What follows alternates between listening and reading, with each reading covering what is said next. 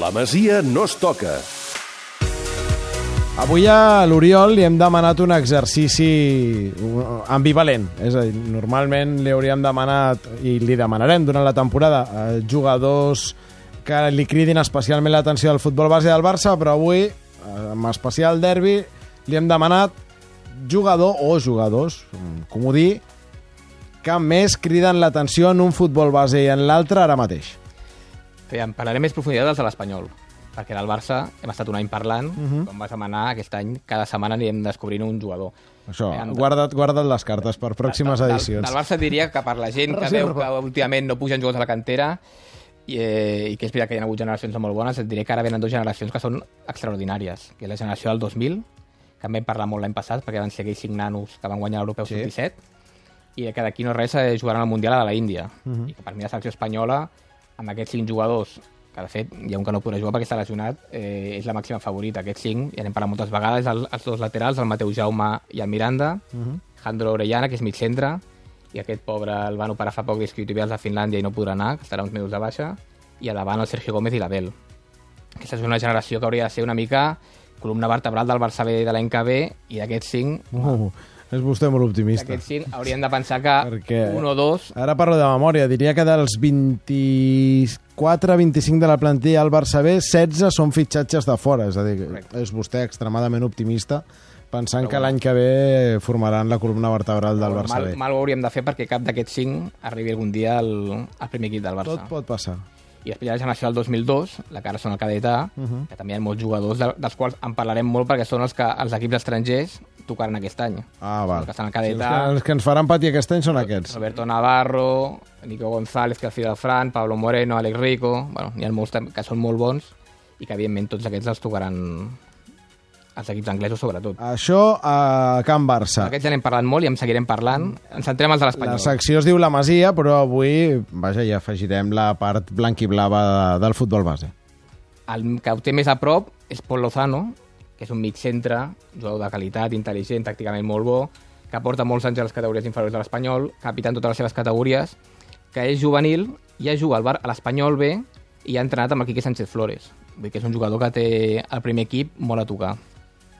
Després hi ha un jugador que és el Víctor Gómez, que també és de la generació d'esta del 2000, que va guanyar l'Europeu i que també anirà al Mundial de la Índia. És un lateral dret que va jugar al Barça bastants anys, que fa 3 o, ara no recordo si fa 3 o 4 anys el van fer fora del Barça, se'n va, any, se'n va anar un any a l'Adam i, ha tornat a la, i ara està a l'Espanyol. Això passa sovint, que l'Adam faci com de... L'Adam, fins i tot el Cornellà, Cornellà facin de, facin de pont entre un i No, i, l'altre. ta, i, ta, I també hi ha alguns que quan els fan fora de les, del Barça, home, si l'Espanyol creu que són de qualitat, també van a l'Espanyol. Però bueno, el que dius tu, de jugadors que van de pont a l'Adam i al Cornellà, hi ha més casos. Uh -huh. I després hi ha un també del juvenil A, que es diu Ivan Gil, que també juvenil de segon any, un interior també de molta qualitat, pot a vegades jugar interior, a vegades jugar a la banda, és polivalent, també apunta molt bones maneres. I després hi ha dos juvenils de primer any, que són migcampistes, que són el Nico Belamet i el Dani Villahermosa, que aquests dos, eh, des de fa molts anys, formaven un mig del camp espectacular de l'Espanyol a totes les categories amb l'Arnau Puigmal, que és aquest nano, que, era, que és molt bo i que ha fitxat pel Manchester United, que ha sigut una de les notícies més tristes de la cantera de l'Espanyol aquest estiu, que ha sigut que aquest sí que era un dels cracs de la cantera de l'Espanyol que ha fitxat pel Manchester United. Disculpeu, haig de fer una petita invasió de camp des de la Loto Xingu perquè el Barça acaba d'informar que Sergi Roberto és baixa Vaja. per unes eh, petites virus eh, molèsties. Uh, mira, justament un que no havia viatjat, efectivament, hi havia ironia aquí. Uh, cara interna del genoll esquerre són les molèsties, el cas és que Sergi Roberto és baixa, per tant, al mig del camp tot el que comentàvem... Paulinho que... i Déu més. Doncs Paulinho, Paulinho, o André Gómez. Rakitic ve tocat, eh?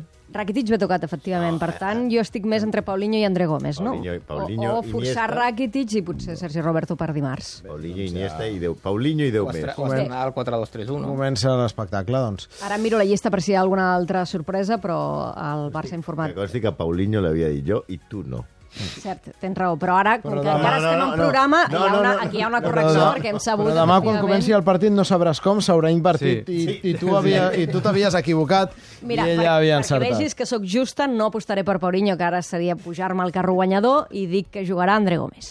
Doncs uh, aquesta és la informació d'última hora. Sergi Roberto No fora del derbi de demà i l'Oriol, que ens estava acabant de repassar el més destacat dels dos futbols Per base. acabar, estàvem parlant d'una notícia negativa de- del canter espanyol, que és la marxa aquesta del cadet Arnau Puigmal al Manchester United. Una altra notícia negativa, David Fernández, que era l'entrenador del cadet de l'Espanyol, Sí.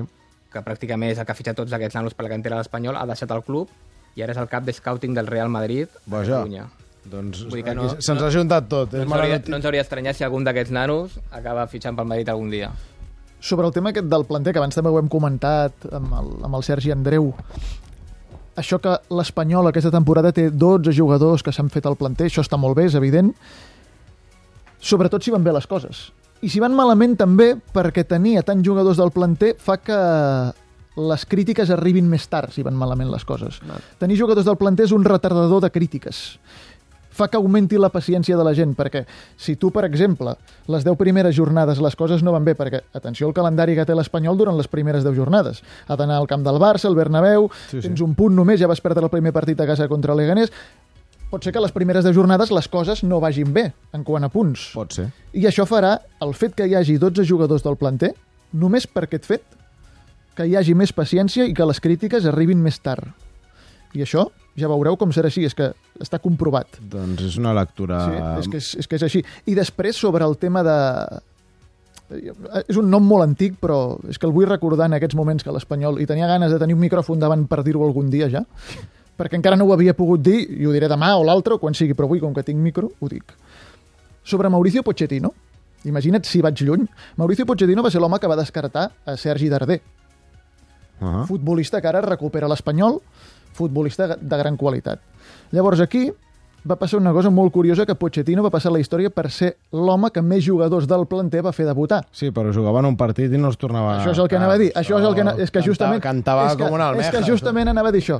La trampa... I ja, ja, Mauricio Pochettino és un gran entrenador, Sí, si no, sí, no estaria honest, però en l'apartat futbol base, un autèntic és venedor que, de catifes. És que anava... És que mira, és això el que anava a dir i ja, ja ho has dit Ja- tu ja ho he dit i, jo, i eh? estic Veus? content que ho diguis. Clar, va fer... No, no, és que clar, era allò... Veus, De... veus Santi, amb ell sí que m'entén. Era allò Estàs avançat, Era allò pilles molt la, la ona del, de l'espanyol. No. Et veig més posat amb el tema espanyol que No, amb però és, que era allò, no, però és que és veritat, era allò de fet debutar a 30 jugadors al planter, clar, alguns d'ells jugaven un minut amb un Però comptava partit com a debut, Però sí, sí, comptava clar. com a debut. I llavors, clar, justament I- i Darder, pensionats, no? justament Darder, que és el que ha acabat triomfant, aquest no el vas voler, i d'aquests 30 que ell va fer debutar, el 75% no saps ni on paren. No? Vull dir, és aquesta petita trampa que tenia ganes de dir. Doncs aquest apunt que, que portava, que, que estava corroent Cremava el David sí, sí. Balaguer i se l'ha tret aprofitant que passava per aquí l'Oriol Domènech i la seva Gràcies, masia. Abans de marxar, vull que escolteu Zidane i Tebas.